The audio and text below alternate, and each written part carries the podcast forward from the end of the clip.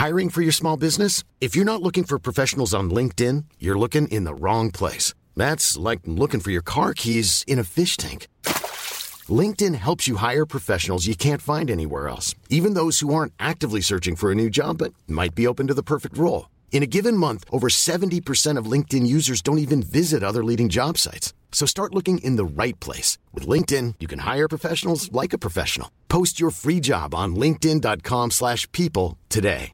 Mom deserves the best, and there's no better place to shop for Mother's Day than Whole Foods Market. They're your destination for unbeatable savings, from premium gifts to show-stopping flowers and irresistible desserts. Start by saving 33% with Prime on all body care and candles. Then get a 15-stem bunch of tulips for just $9.99 each with Prime. Round out Mom's menu with festive rosé, irresistible berry chantilly cake, and more special treats. Come celebrate Mother's Day at Whole Foods Market.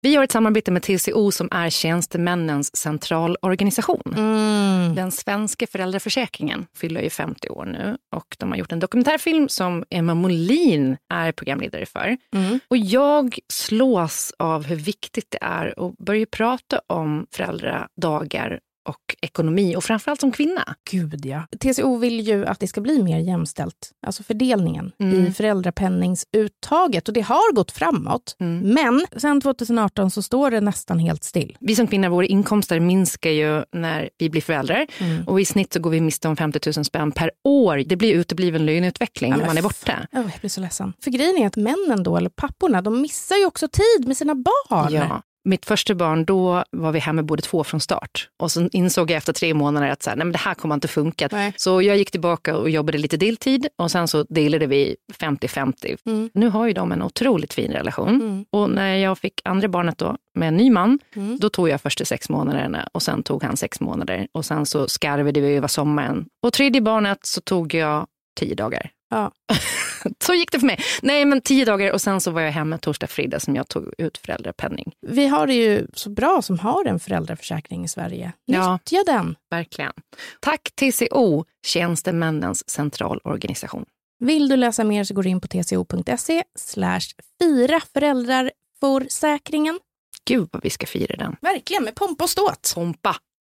Är vi sponsrade av 7up i det här avsnittet? Ja, det vi ju. Du skämtar! Nej, men vi är jätteglada att 7up är med oss och vi pratar om 7up Zero Sugar. Det är Mm. den vi ska snacka om. Ja, det är den jag alltid kör också. Ja, Varför dricka socker när man kan undvika? Nej, men jag fattar ingenting. Nej. Om jag skulle gissa på smaken, Mm. alltså skulle du gissa att det är citron och lime? Ja, men det är ju det som är 7up. Ja, men jag vet, men jag tycker liksom att den är som en egen... Ja, jag förstår vad du menar. För du kanske tänker mer så här, eftersom den oftast är genomskinlig då, att Mm. man tänker att det ska vara som sockerdricka. Ja, Som Pippi fick ur sitt träd typ. 7up Zero Sugar för mig är en egen smak typ. Ja. Men absolut, om de vill kalla det citron och lime så kan de väl få göra det. Nej, men det finns någonting som är liksom pigga upp som gör det fräscht också Mm. än bara från en liksom vanlig sockerdricka. Just Mm. att man får den där eh, lilla limen som Mm. liksom trycker till. Verkligen. Jag vet inte om du har koll på det här, men den funkar att matcha till mat. tycker Mm. jag är jättekul. Ja. Alltså tänk dig en fräsch sommarsallad med lite chèvre, lite rädisor. Mm. Alltså du får det peppriga, du får det här... Fettig från chèvren. Ja, Den är saltig, den är liksom Ja. lite fetare i konsistensen, Exakt. krämig. ja, och jag tror att pepprigt skulle passa bra. Även rucola tror jag Ja. skulle vara jättegott. Rucola till 7up. Mm. Absolut. För då också när du dricker 7up Zero Sugar på massa is Mm. så får du ju någonting som liksom balanserar upp då det peppriga och den här uh, salta feta härliga chèvren. Sen kan du också ha lite honung på den salladen också så här, för att balansera sötman i drycken tycker jag. Nej, men det börjar bli varmare. Alltså, jag vill bara ha en god törstsläckare. För mig är det 7up Zero Sugar. Alltså, varför har ni inte budat hem 40 stycken burkar till mig? Jag undrar samma. Ska vi säga tack ens en gång? Jo, Vi gör det ändå, men också en liten uppmaning. verkligen. Ni har min adress. Tack 7up Zero Sugar. Och gud, nu är jag så törstig. Jag har sån jävla nackspärr. Jag orkar inte ha det hela tiden. Jag får nackspärr jämt. Det är min grej. Det är så jävla jobb. Så fort jag tränar får jag nackspärr. Alltså jag har gjort typ fyra armhävningar. Jag har nackspärr. Ja, men du kanske behöver se över... Är du sidosovare? En mix. En mix? Okej, men du behöver se över din uh, kudde. Du behöver ha Ja. en kudde som håller upp eh, huvudet Ja, det är ordentligt. det. Och jag märker så fort jag har sovit typ en natt i soffan eller något sånt där och inte haft min kudde, Mm. då får jag nackspärr direkt. Är det sant? Men jag får det liksom varje gång jag tränar. Jag fattar inte. Jag måste vara så svag på vissa ställen och så gör jag fel. Typ. Ja. Öh. Det underlättar om du har en bra sovställning där. Mm. Du ska ha en sån här muppig kudde, du vet, memory foam kudde som är kompakt typ. Ja, jag hade en sån förut som jag kallade för kudden. ja, men nu sitter vi i studion. Ja, vi ska inte äntligen. prata nackspärr. Vi ska, Nej, vi ska inte, inte prata sjukdomar. Nej, vi ska inte prata sjukdomar. Nej, vi är jättetaggade. Absolut. Nu är vi igång på Ja. riktigt. Och eh, ja... Det här är Tabberaset, en podd med mig, Frida Lund, och med Klara Doktorov. Den här veckan blir det killbråk på Instagram, att bli rädd i en taxi och är det 2024 det dåliga samvetet begravs? Ja, på Skogskyrkogården kanske. Och så pratar vi om jakten på titlar. Om att vara influencer sen födseln och hur man kan skamma sina föräldrar för att få dem dit man vill. Välkomna.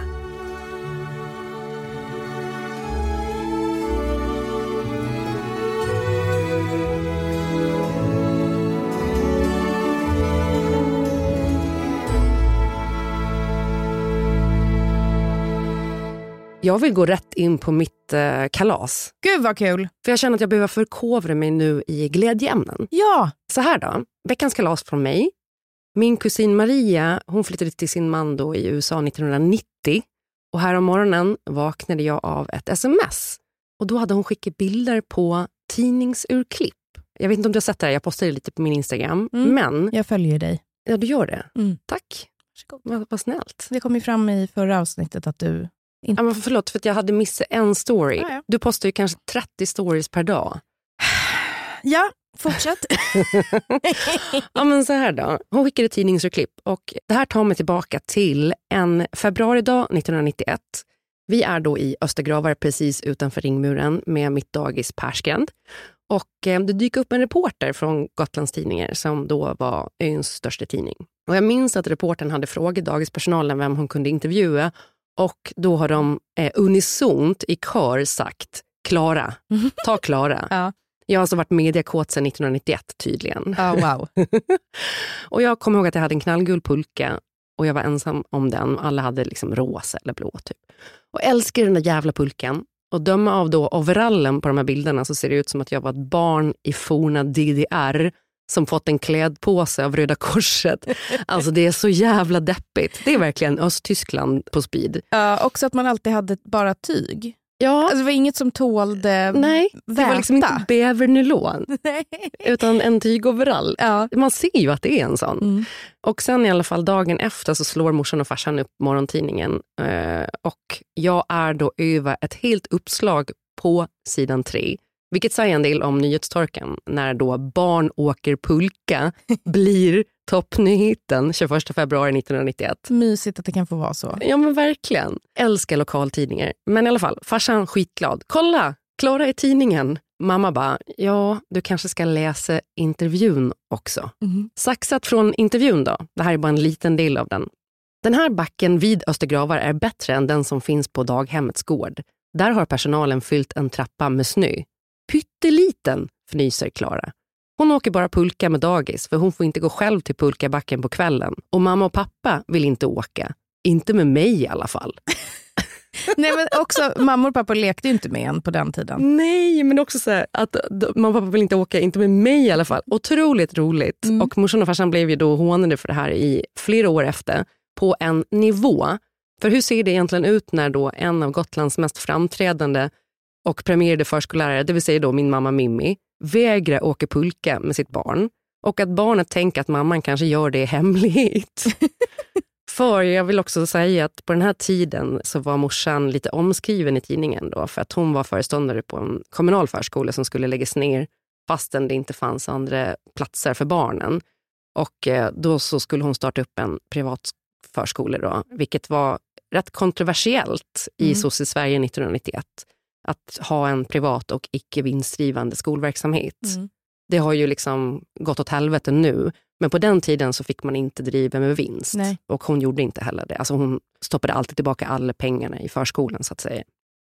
Men jag minns sen att morsan och farsan gjorde liksom en poäng av det här med pulkan. Mhm. Och Det kanske var för att de ville ta tjuren vid hornen och visa sig i pulkabacken. För det fanns någonting då som jag minns som någon slags tradition som hette midnattspulkan. Och då gick man till Nordegravar. Och eh, Nordegravar eh, utanför ringmuren är ju sinnessjuka pulkaförutsättningar. Alltså det är livsfarligt. Mm. Rakt av livsfarliga backar. Men man var där då efter klockan 21 och så hade man med sig varm choklad och mackor inlindade i sånt här härligt smörgåspapper.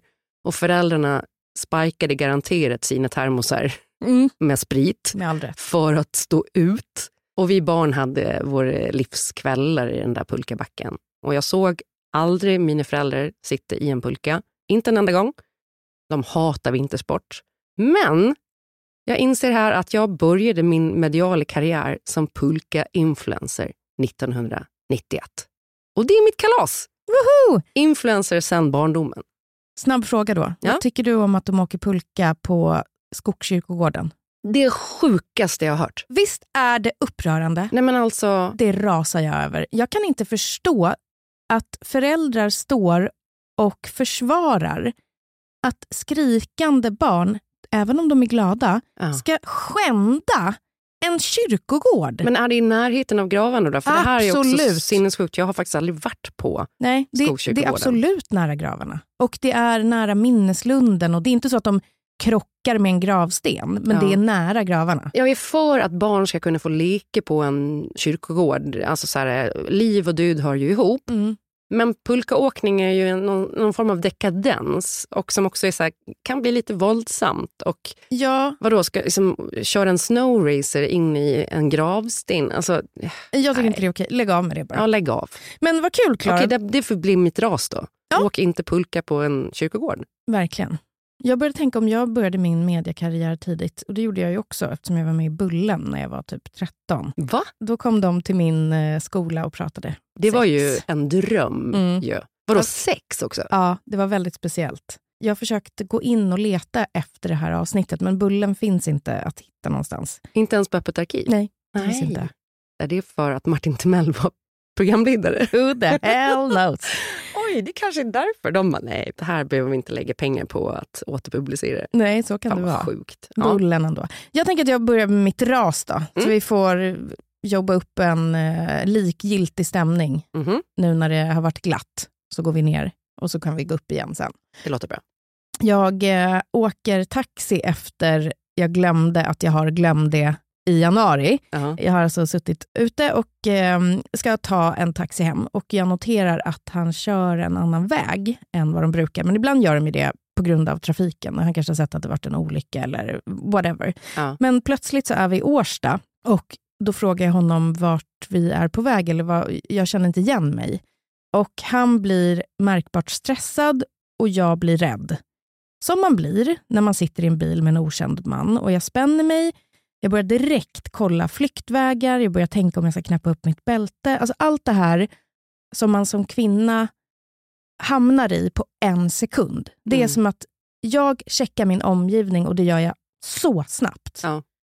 Och så säger han, jag är på väg till Årstavägen.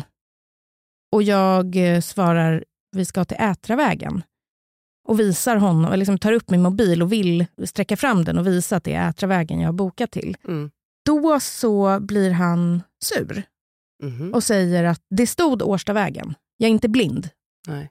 Jag känner direkt att jag blir ju arg på honom för att jag fattar ju att han har ju sett fel. Han har ju läst Årsta istället för Ätra. Ja. Det står tydligt Ätra i min bokning. Och han kan inte stå för sitt misstag. Han kan inte bara säga fan sorry, Jag läste fel. jag läste fel. Och jag märker på hans ton att han vill jiddra med mig. Mm. Så att jag blir tyst och eh, vet inte vad jag ska säga. Och flera gånger eh, liksom under den här färden då hem, för att han, är ju, han måste ju köra hem mig, Mm. så börjar han liksom hålla på. Han fortsätter och säger, jaha, nu kommer det här i alla fall bli billigare för dig. Det är närmre till Årsta än vad det är till Bagis. Mm. Och jag svarar bara, mm, gud vad bra. Och han eh, säger, ja jag missar körningar och jag håller bara käften. Och när jag går av så får jag sånt jävla ilskepåslag. Mm, För att jag känner mig så nedtryckt. såklart. För att jag vågar inte för att jag sitter i en bil med en man. Som du inte vill känna och som beter sig mikroaggressivt skulle man säga. Alltså jag kan fatta att han blir arg. Jag kan fatta hans känsla. Vad i helvete, nu har jag åkt fel. Ja, men då är han ju arg på sig själv. Han ska inte ta ut det på dig. Nej, men att som man inte ha i beräkningen att en kvinna alltid kommer bli rädd för dig om du Mm. visar minsta lilla hotfullhet. Det är så jävla synd att det ska vara så. Ja. Jag tänker på det jätteofta. Jag hade, det var en situation där jag kollade ut genom fönstret hemifrån för några veckor sedan.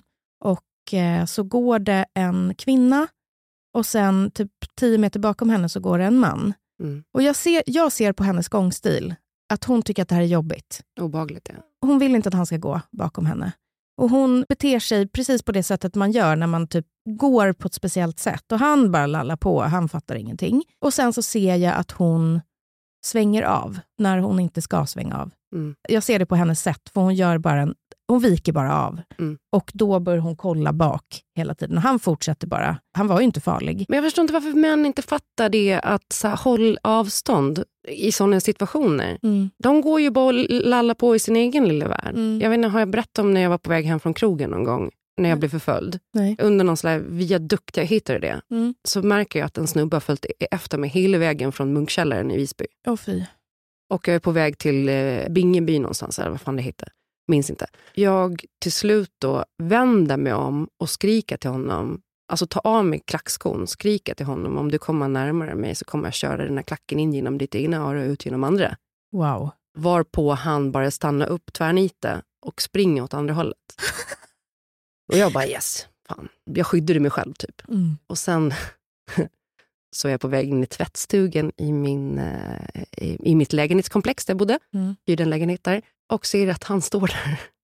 Och då är han min granne. Nej, gud, du skojar! Så det var ju inte så jävla konstigt att han skulle gå samma väg som jag hem från krogen. Nej, åh gud! Och jag bara, nej, jag har...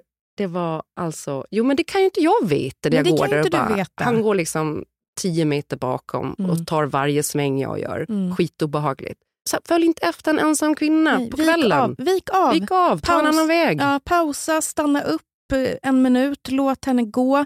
Mm, Gå över på andra sidan gatan om det funkar. ja, Visa med, eh, inte vet jag, precis. blick. Alltså typ så här, det- är lugnt, eh, jag vet inte.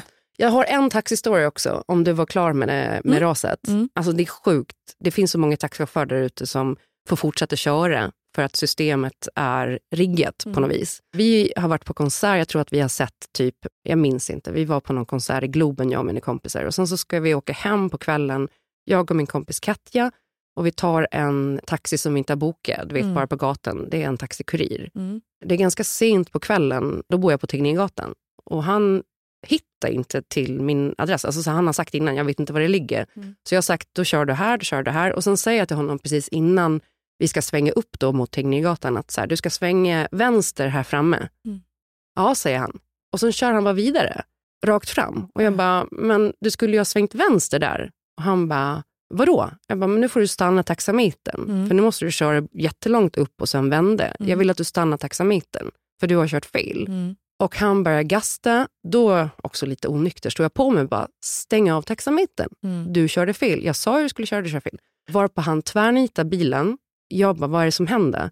Han tar den här eh, betalmanicken, Mm. kastar den i mitt huvud. Va? Min kompis Katja sitter bredvid, tar upp eh, kontanter, typ mynt, kastar på mig. Och här vid det här läget, då var jag också så här, för jag blir ju i det läget fight and fright. Ja.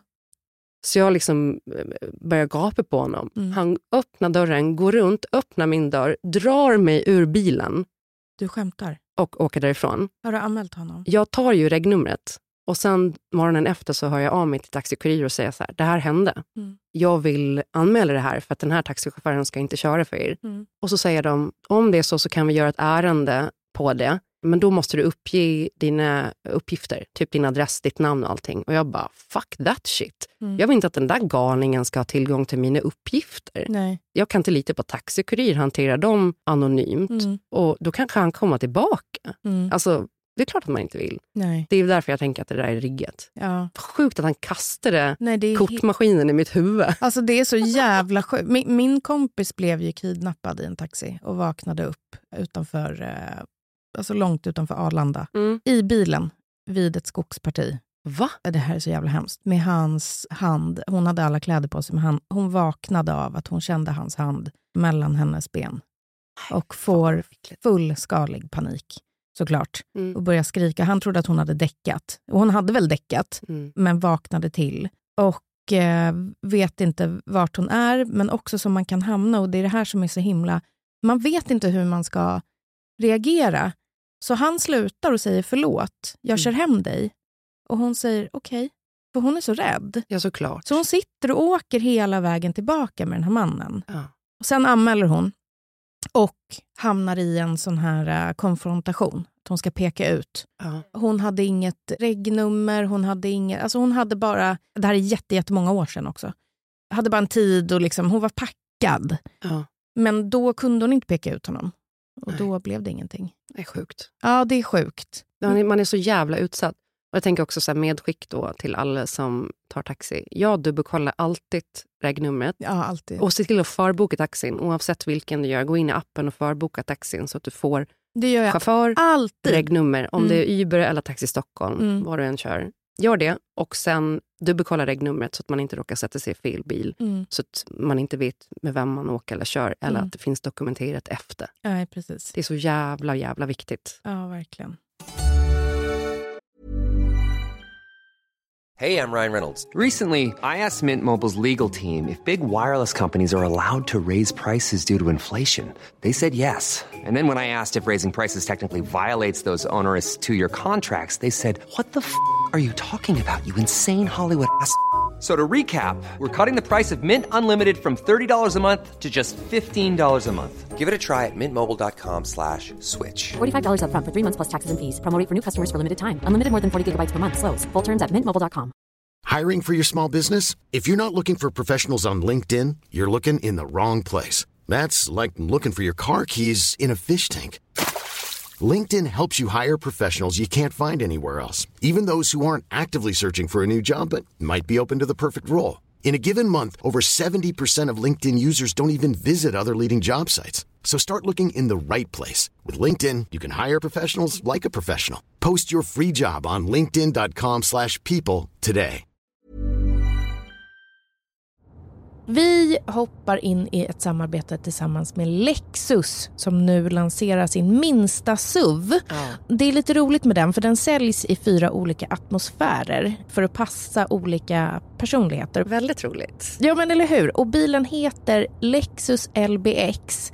Och jag vill också säga och vara väldigt tydlig med att även om den är liten så har den ju det japanska arvet, hantverket och alla exklusiva detaljer som alla Lexus-bilar har såklart. Ja. Det roliga med Lexus är att det du har i din bil säger mycket om vem du är som person och de vill utforska det Ja. och göra What's in my car edition, alltså den här gamla goda What's in my bag. Ja. Och vi ska tillsammans med Dumma människopodden utforska det här. Alltså vi ska visa och snacka om vad vi har i våra bilar och så ska dumma människor analysera det. Det är ju skitkul. ja. Och pinsamt, eller? Kanske lite pinsamt. Ja, för jag tänker liksom, är det jag? Alltså det jag har i bilen, är det jag? För det är nog inte så bra. Jag kan liksom känna lite samma sak, men jag tror också att folk kommer att bli chockade över vad jag har i min bil sett till hur jag kanske framställer mig i övrigt som människa. Så att det är spännande faktiskt. Innan vi kommer in på vad vi har i våra bilar så måste vi prata om att då egelhybriden Lexus LBX har olika atmosfärer så att man kan liksom beställa beroende på sin personlighet. Och de atmosfärerna som finns att välja mellan är elegant, relax, emotion och cool. Vilken tänker du spontant passar dig bäst? Jag vill vara en cool, Ja. men jag tror att om jag ska köra bil så bör jag vara en relax. Ja. Jag är beredd att hålla med med tanke på att jag har sett och hört din road rage. Exakt. Jag tänker ju också typ att jag borde vara en emotion. Men jag dras till elegant. Den kan du sitta med din Chanel-klänning i. Återhållsamt, sofistikerat, mycket stil. Jag vill nog vara mer elegant faktiskt. Men du, berätta nu. Vad har du i din bil? Jag är så nyfiken. Och det är kanske därför också jag vill ha elegant. För att mitt liv i övrigt i bilen är väldigt icke-elegant. För jag har alltid eh, våtservetter, jag har solglasögon och då är det inte snygga solglasögon utan det är ju bilsolglasögon, sån där som en, ens pappa hade på 80-talet från typ Ja. macken som man bara köper för 99 kronor och ser ut som skit. Men de funkar och de får inte vara för mörka heller för du ska kunna klara och köra liksom in och ur tunnlar utan att behöva ta av dem. Just det. Och sen har jag alltid minst tre sån här eh, återanvändningsbara plastkassar som man handlar med. För att nu är ju plastpåsar så sanslöst dyrt. Jag har alltid extra blöjor och en sån här liten plastgreja som gör att man kan få loss en kundvagn på ICA. Wow. Ja men vadå, har inte du alltid det i bilen? Nej, jag blir jätteavundsjuk. Det jag har i min bil kommer vara ett sånt jävla nedköp. Jag är jätterädd nu för hur dumma människor ska tolka. Ja, förutom det, hundbädd och extra koppel till hunden. För det är ju ofta man slänger in hunden och så glömmer man kopplet och så finns det ett extra där. Vad har du då? Ja, men. Jag, jag har ju bara tomma grejer i min bil. Alltså godispapper. en vattenflaska ligger alltid i dörren med en liten slatt. Ja. Och då vet jag inte liksom hur länge den har legat där. Läppglans, alltså för det har jag tappat ner eller slängt ner när jag liksom är stressad när jag kör och inte kan liksom titta då åt sidan så bara kastar jag iväg det någonstans. Ja. Ibland har jag en torr våtservett, men det är sällan jag har liksom ett helt paket. Och sen har jag alltid en tom godispåse och en slatt med gammalt kaffe. Nu finns avsnittet med dumma människor uh, där de analyserar vad vi har i våra bilar. Där poddar finns. Gå in och lyssna nu. Stort tack Lexus! Tack Lexus.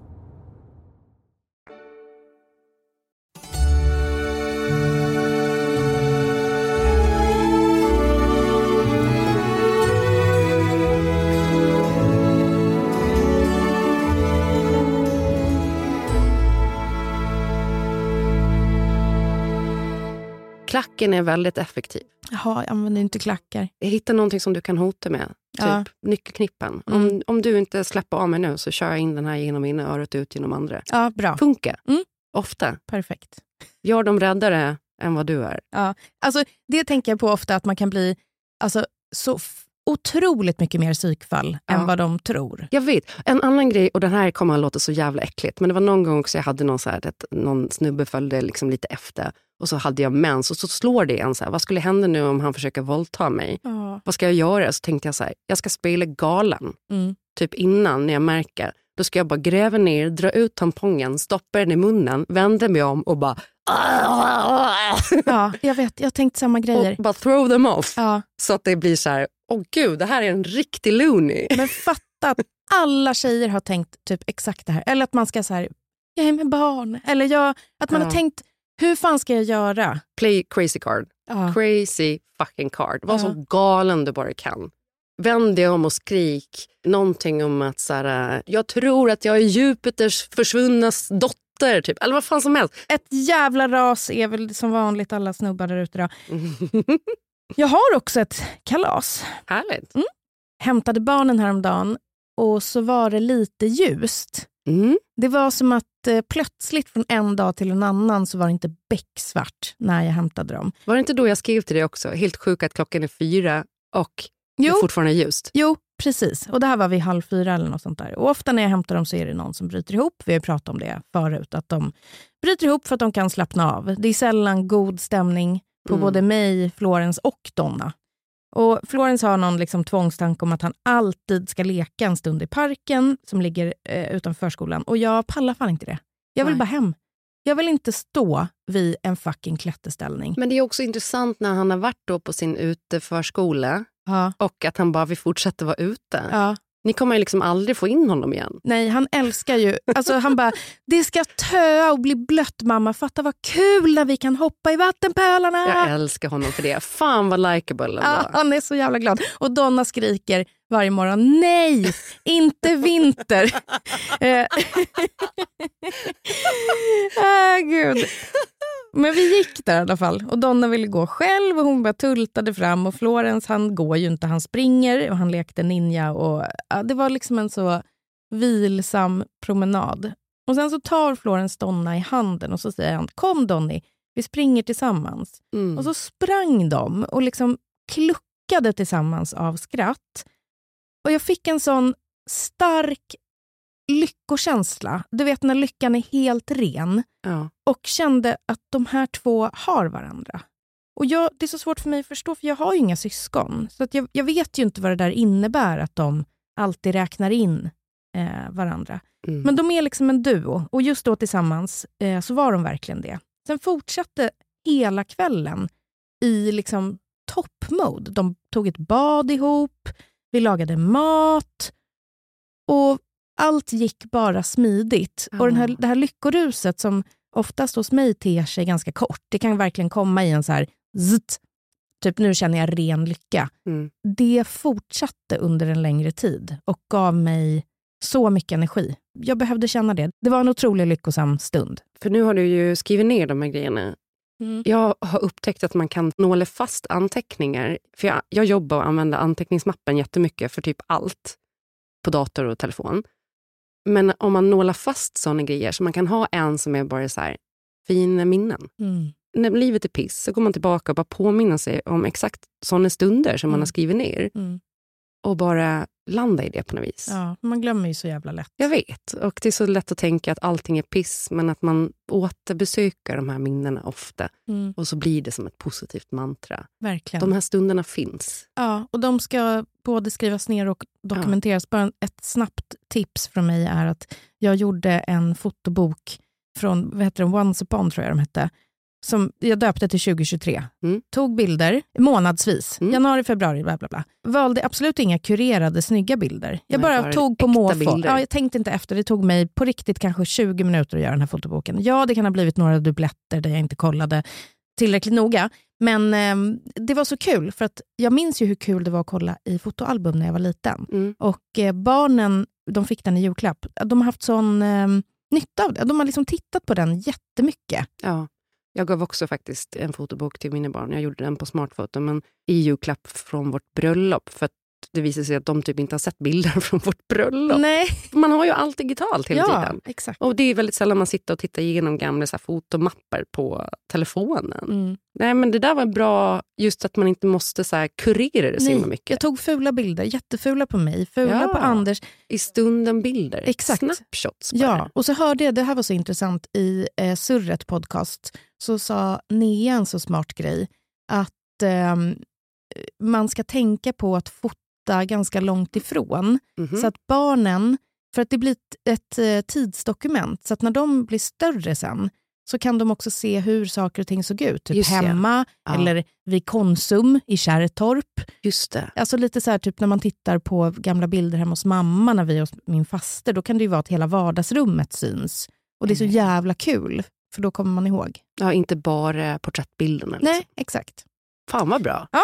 Ska vi gå in på beefen nu då? Den kan vi ta kort och sen tar vi lite 2024 Ja, men det är känsla. bra.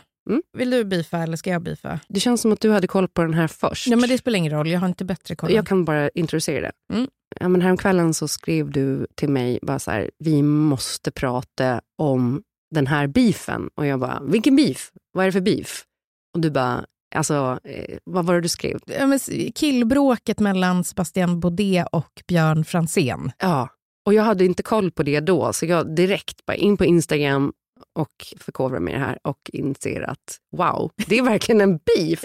En otrolig beef. Ja. En killbeef. En killbeef, det är så sällan vi får se det. Vilket gjorde att jag tyckte att det var lite mys. Verkligen. Att, jag kan inte säga influencerkillar. De Nej, är ju det- väl, nej, det är de ju inte. Men, Nej. men ändå typ att så här, vuxna män bråkar på internet. Mm. Och det är inte geniet eller Kalle Schulman. Nej, precis, precis.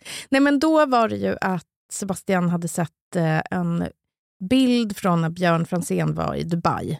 Mm. Där han förmodligen ska starta upp restaurang. Ja. Vet man det? Eller? Nej, det vet vi inte. Jag såg Nej. att eh, Franzén ska starta upp Astoria typ i Marbella eller något sånt där. Ja, okej. Så det känns ju som att han växlar upp ganska mycket nu och då kanske Dubai står i stjärnorna också som en, en sån plats. Det vet vi ju inte. Nej, det vet vi ju inte. Han var i alla fall i Dubai. Ja. Och det är ju ett eh, land som man kanske inte ska besöka. Det är ju väldigt mycket gästarbetare som arbetar för inga pengar Mm. och landet eh, suger ju ur miljön. Kan man ju Ja, ändå precis. tänka lite grann. Och jämställdhetsperspektiv. Eh, Ja, men det finns många grejer.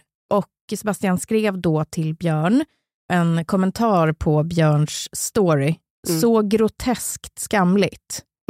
en ganska, en ganska liksom hård... Eh, hård intro kan man i väl det säga. där kan man ju också uppleva att eh, Sebastian bara har väntat på ett sätt att få trycka dit Franzén. Mm. Och det kan ju vara av olika anledningar såklart. Men det kan ju också finnas en del eh, avund i det. Mm, ja, det vet vi ju inte heller. Nej, men det men det är en ganska stark intro till en Ja. konversation. Men man kan ju inte säga att Björn Franzén inte är väldigt framgångsrik i alla fall. Nej, verkligen inte. Men jag tänker att om man är, vill prata med någon så kanske man ska gå på lite mer relaxed. Ja. Att annars hamnar man ganska lätt i försvarsposition. Om någon skriver så groteskt eh, skamligt på min Instagram så skulle inte jag kanske bjuda in till samtal. Nej, nej. samma sätt. det stänger man ju ner kanske direkt så att man märker. Ja, exakt. Men sen har ju de då vidare en eh, DM-konversation Ja. där de battlar lite fram och tillbaka. Där Jag tycker typ att båda framstår ju som inte super bright. Eller? Jag vet inte, de kanske var uppe i det här som man blir, att man liksom hetsskriver. Jag vet inte hur lång tid det var mellan eh, att de svarar och inte. Men eh, Sebastians eh, approach är då att vi inte ska besöka eh, länder som Dubai, eh, PGA, miljö. Han Mm. är ju ofta ute och liksom... Han, Vevar han, om miljön. ja, men han Mm. kämpar för det. Det är väl bra. Jättefint. Och Björn svarar väl då att han tycker att eh, Sebastian ska lugna ner sig lite ungefär Mm, först. mm, För det som Sebastian gör sen då är ju att publicera den här konversationen. mm, För det är väl det vi också har lite hamnat i, som jag snackade om ett tag, men det här med att man ska ta grejer publikt hela tiden. mm. Björn tycker ju att eh, han inte bör skriva det där i sociala medier till honom. Och han säger, men jag skrev direkt till dig, jag postade inte publikt. Och sen postar han det ändå publikt. Precis. En miss, Ja. eh, såklart. Och där blir ju Sebastian någon slags förlorare i samma stund tycker jag. Mm, Problemet där är ju också att Björn då postar på sin egen Instagram mm. och blir också en förlorare. I samma stund som de öppnar dörren till allmänheten så blir de båda två förlorare i det här. Exakt så är det. Björn Franzén postar en bild på en baguette med en fransk flagga där det står oui oui baguette och sen står det tips. Om man betalar svarta löner så bör man hålla sig lite lugn som rättspolis i sociala medier. Punkt, punkt, punkt. Mm. Det är ju egentligen, eh, tror jag, någon form av eh, förtal Mm. skulle jag vilja påstå. För Sebastian går egentligen bara på, okej, vi ser att du är i Dubai, Mm. jag tycker det är dåligt. Han går på och blir Mm. personlig Mm. och sen är frågan om Sebastian ens skulle vilja ta det här till en förtalsrättegång. För att jag menar, då kommer man ju kanske börja gräva i hur sånt ligger till. Har han verkligen rent mjöl i sin Manitoba cream-påse? det är frågan. Det är verkligen frågan. Allt kokas ju ner till, för mig, alltså, det är lite kul när det blir en liten beef. Men precis som du nämnde för någon minut sedan, att allt bara ska kablas ut. Mm. Det gör ju också att man är rädd för att skriva till folk fram och tillbaka. Eller så här, ha en konversation för att man vet aldrig Nej. om någon hänger ut den. Jag tycker det är fel. Ja, Jag håller med. Och det är ovärdigt framför allt. Mm. Bara på tal om att eh, Björn Franzén spelar golf i Dubai. Den enda grejen som jag ser som säkert när det kommer till framgång är att ingen som lyckas vill ge upp sina privilegier. Det finns ju någonting som händer med alla som blir rika och framgångsrika Mm. där de tänker, nej men varför ska jag inte kunna spela golf i Dubai? Mm. för det har jag förtjänat. Ja. Jag tycker väl oavsett, jag vet inte om det har med någonting att göra, men det är bara intressant det där med hur snabbt det förändrar människor. Mm. Från att gå till att typ så här, eh, ha en analys eller någon slags patos eller vad det nu kan vara. Ja, men man flyttar sina värderingar. Ja, Slutklämmen kan väl vara alla som blir rika spelar golf i Dubai.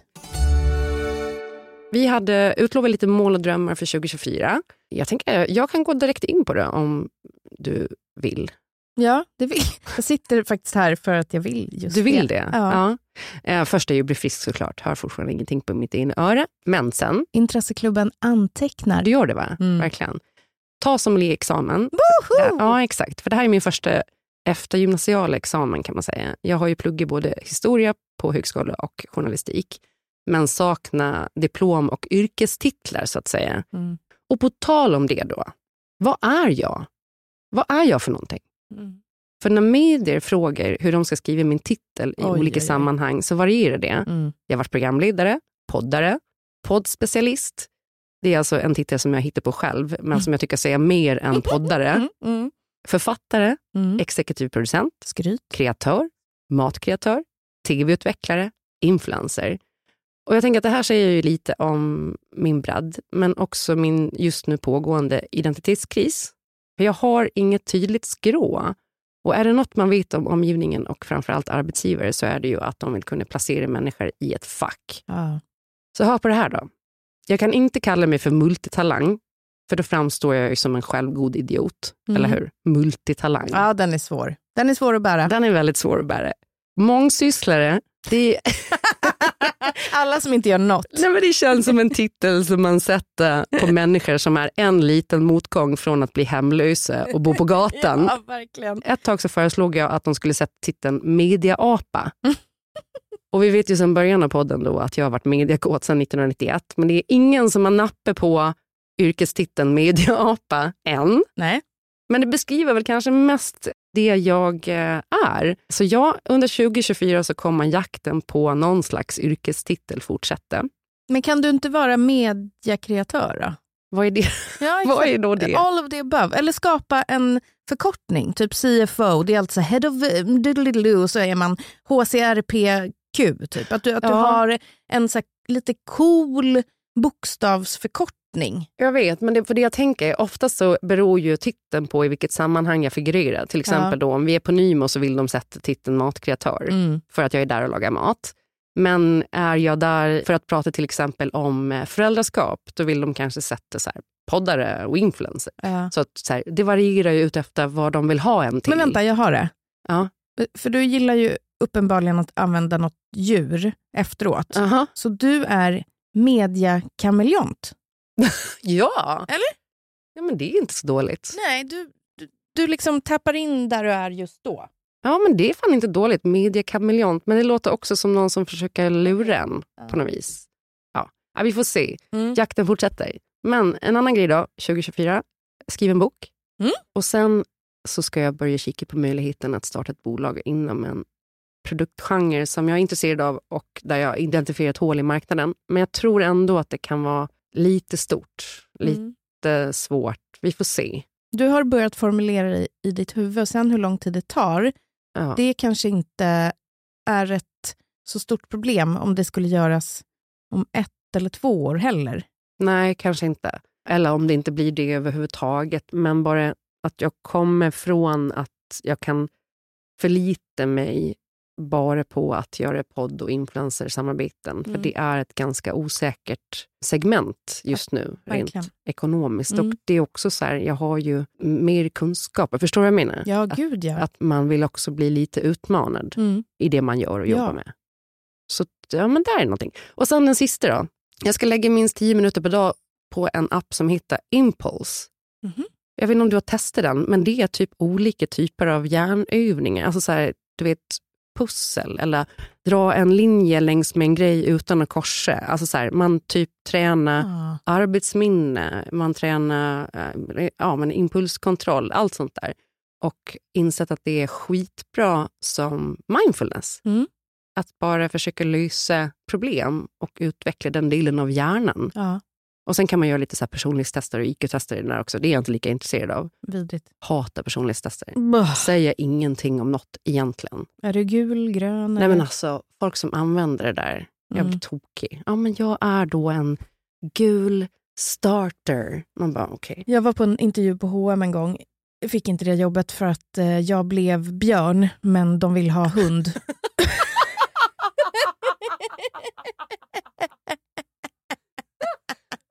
Gud, vad är, vad är en hund då? Det undrar man. ja, inte fan vet jag. Det var inte jag i alla fall. Mm. Jag känner att jag skulle, ja men absolut. Björn, det vill man ju i och för sig hellre vara än hund. Ja, man lufsar runt, man vet att man kan, liksom, om det... Väldigt hungrig. Men, ja, men om det händer Sova något, mycket på vintern. om det händer något så kommer man ju vara den som vinner. Absolut. Och det är ju skönt. Ja. Ja, det är en tass man inte vill ha i fejan. Nej, verkligen inte. Det är mitt räddaste djur. Ja, men ditt 2024 då? Vad tänker du? Det är så jävla svårt tycker jag att formulera. Vi nämnde det här i förra, att, så här, just, att det är ett helt år. Ja. Men jag tänker mer att det kanske är en bra stund att bara formulera lite saker. Det behöver inte vara stort, det kan vara stort, ja, Mm. whatever. Jag tänker absolut att jag ska fortsätta mitt läsande. Jag har läst ganska mycket under hösten. Ja, efter att ha haft en så jävla lång period av att inte läsa. Mm. Och jag märker att det ger mig lust att skriva. Det stärker mitt ordförråd, det stärker sättet jag tänker på liksom kreativt och det ger så jävla mycket. Och jag vill göra mer rörligt. Mm.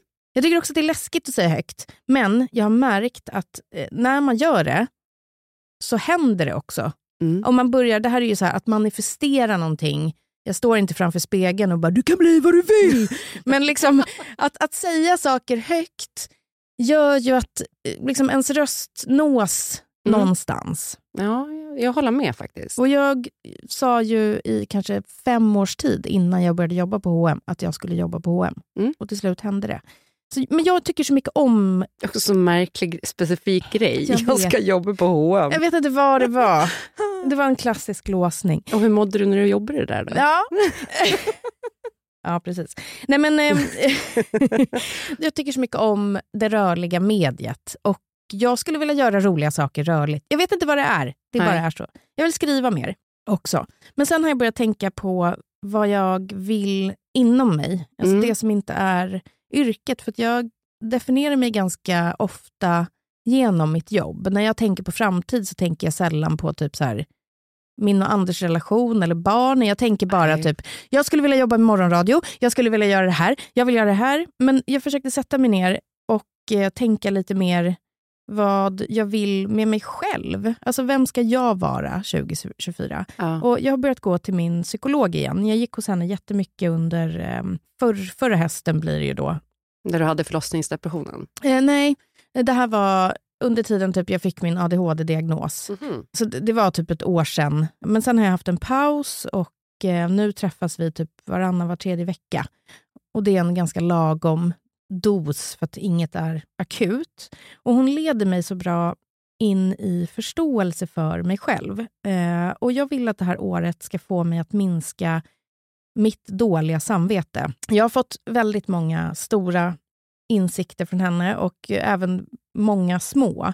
Eller de kanske är små när man säger dem i en mening, men de har betytt mycket för mig. Mm. En av dem är just en mening hon fick mig själv att formulera för ett par veckor sedan, som jag har burit med mig och låtit liksom växa i mig. Och Det här var verkligen en av de här stora så här, breaking points. Jag tror jag messade dig efteråt att bara jag haft ett jävla liksom, break hos min psykolog och det är så jävla mäktigt. Och meningen liksom låter så himla, jaha, men för mig så var det som att jag förstod någonting om mig själv. Mm. Alltså det landade en, en stor insikt. Och meningen som jag då sa var, jag vet inte hur jag ska navigera i att vara en mamma med mycket känslor. Jag kommer från en familj där min mamma inte kukade ur, inte hade svackor, som jag märkte i alla fall, inte lackade, inte hade liksom totala psykrus av glädje, utan det var väldigt stabilt. Mm. Och det kan ju verkligen låta boohoo, stackars mig. Nej, nej, men jag förstår vad du menar. Det har gjort att sättet jag är som person mot mina barn har jag trott är fel. För det är inte det jag kommer ifrån. Var din pappa lika stabil?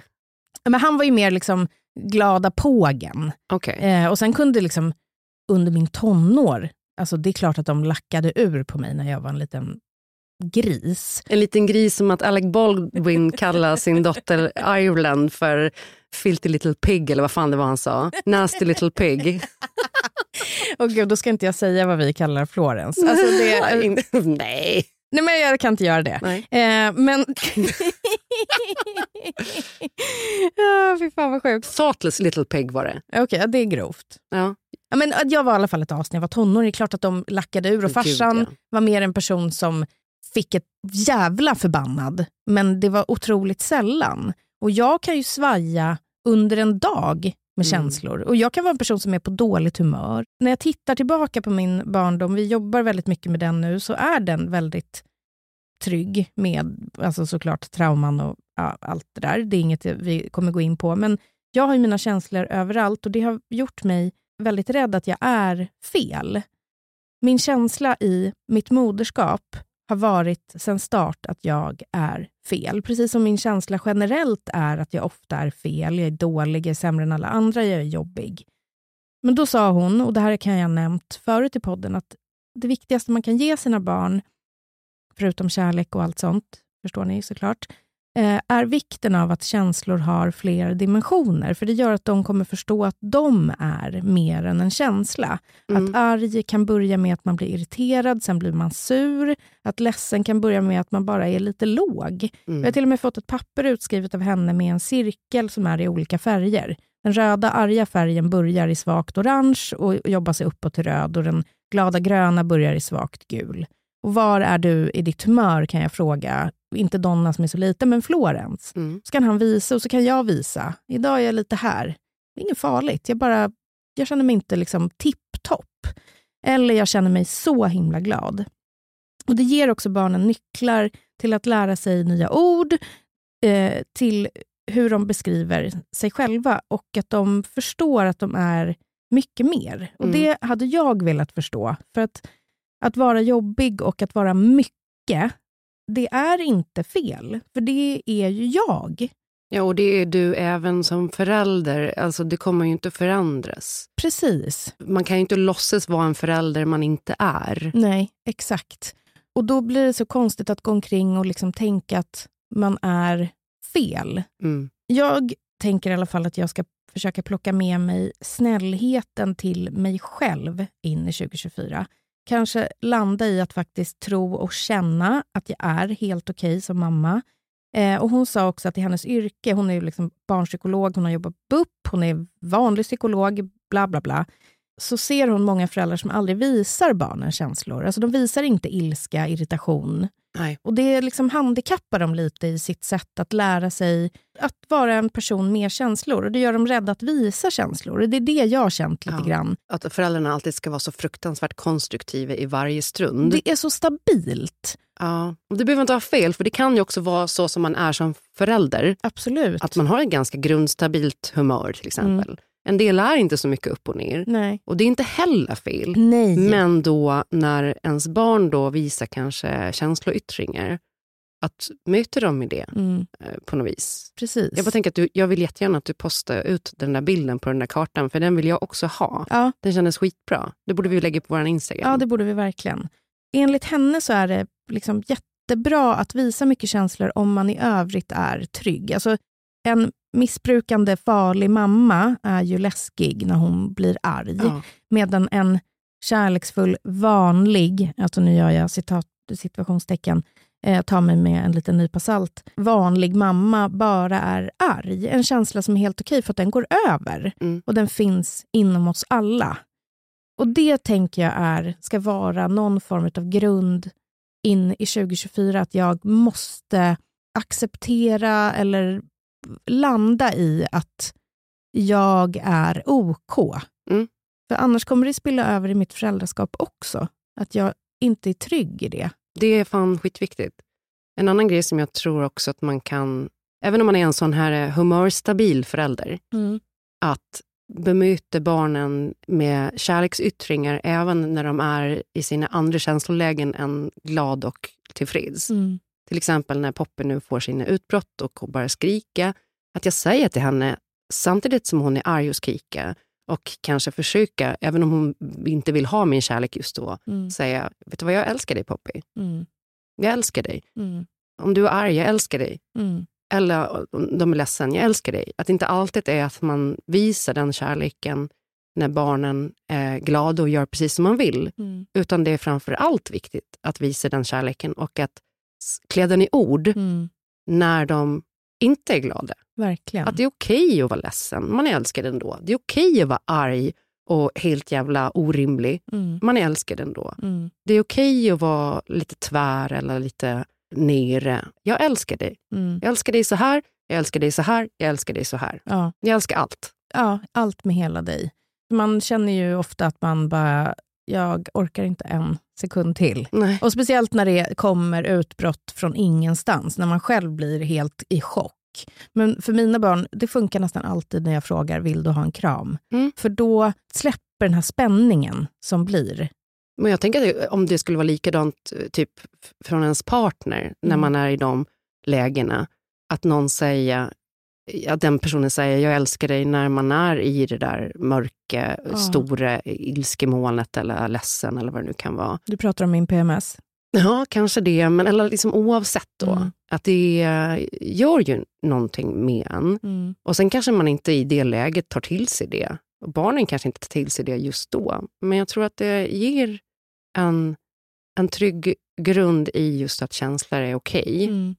Och att vad man gör, bedrifterna, hur man beter sig, inte är kopplat till kärleken. Nej, och jag tror att det är så viktigt att du inte liksom måste jobba upp någonting bra för att Mm. din förälder ska älska dig. När barnen sitter och bara är och inte typ gör någonting eller du vet, sitter och pillar med, liksom, spelar Roblox eller vad det Mm. nu kan vara.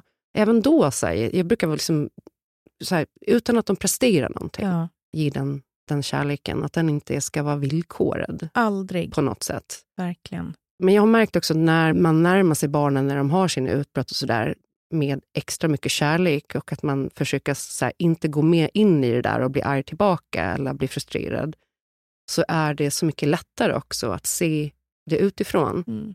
Så när Poppy skrika och slå sönder saker och riva av, liksom, hon fick ett kök i julklapp. Hon river av mikrovågsugnslucken på det här köket för att hon är så förbannad för att hon inte kan öppna och stänga. Nej. Alltså så här, det på, på ett sätt som är... Alltså, hon, hon är mycket. Liksom. mm. Men att när jag mö- möter henne då med kärleken där så har jag så mycket lättare också att förstå hennes ilska och att Mm. acceptera den. Mm. Vi får se Ja. om man har sulat in något lego i väggen inför nästa vecka Men det, eller är, jo, inte. det, men det är ju okej. Ja. Och också alltid, barn har rätt till sin version, barn har rätt till sin historia. Mm. Man måste alltid som förälder kunna be om ursäkt och det är så jävla viktigt. Ja. Det är okej att tappa det, förlåt, nu blev jag arg. Mm. Förlåt, nu är jag lite ledsen och låg. Mm. Det är inte ditt fel. Mm. Du har inte gjort något fel. Nej. Det känns som att jag kanske kapade din Nej. insikt här nu. Men, ja, men jag funderar på om jag ska dra ut i pulkabacken nu. Mm. Ska du till Skogskyrkogården eller? Jag tror det. Det är ju perfekt. Kan man ju passa på att lägga blommor på graven samtidigt. Ju. Ja, jättebra. Så kan man bara öppna en liten kiosk där eller någonting Ja. så kanske man kan köpa korv Ta med en pava vin också. Ja, varför inte? Stå där och Exakt. raggla till. Vi är tillbaka igen på fredag. Då blir det tabbetipset. Ja. Och vad fan var det jag skulle säga mer? Nej, det var inte Nej. Följ oss på Instagram. Vi älskar er. Tyck till. Skicka era bästa tips på min titel. Ja, Media Kameleon kanske inte är, men den är ändå upp, up there. Ja, vi, vi får se. Smurf. Smurf.